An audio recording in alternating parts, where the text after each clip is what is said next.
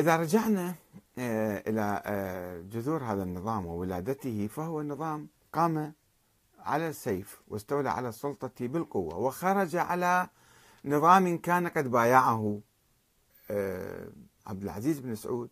كان والي من ولاة الدولة العثمانية ثم خان هذه الدولة. ومتى في أشد الظروف والأيام؟ في الحرب العالمية الأولى.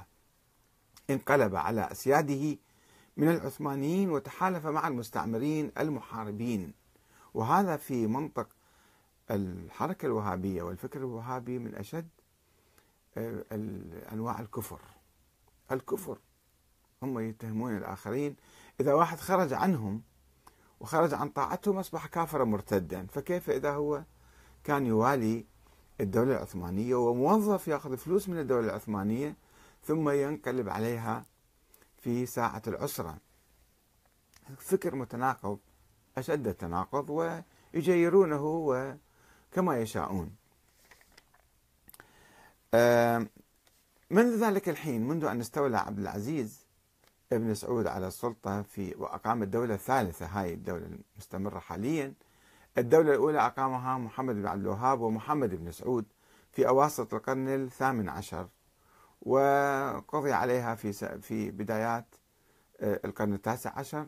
ثم قامت دول متفرقة متقاتلة في القرن التاسع عشر سموها الدولة الثانية. وهذه هي الدولة الثالثة المستمرة حتى اليوم. فهذه الدولة قامت على أساس السيف. دائما هم يتفاخرون وشوفوا هاي الرقصات مالتهم. الرقصات هاي رقصة الانتصار بالسيف على الشعب السعودي الذي سموه سعودي هو ما كان شعب سعودي. حجازي أو يمامي أو قطيفي أو من الحائل أو من عسير الشعب العربي المسلم في الجزيرة العربية أطلقوا عليه اسمهم الشعب السعودي. استعبدوه لأنه صار ملكهم الخاص. فلم يضعوا من ذلك منذ ذلك الحين أي دستور للحكم أي نظام للحكم.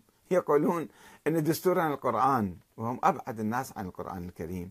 لأن القرآن الكريم يكفل الحقوق والحريات العامة وهم قد صادروها تماما. يمكن يقطعوا أيادي بعض السراق البسطاء الفقراء الجائعين ويقولون نطبق الشريعة الإسلامية.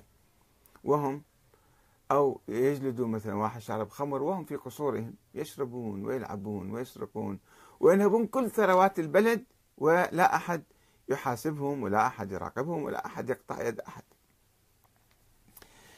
é,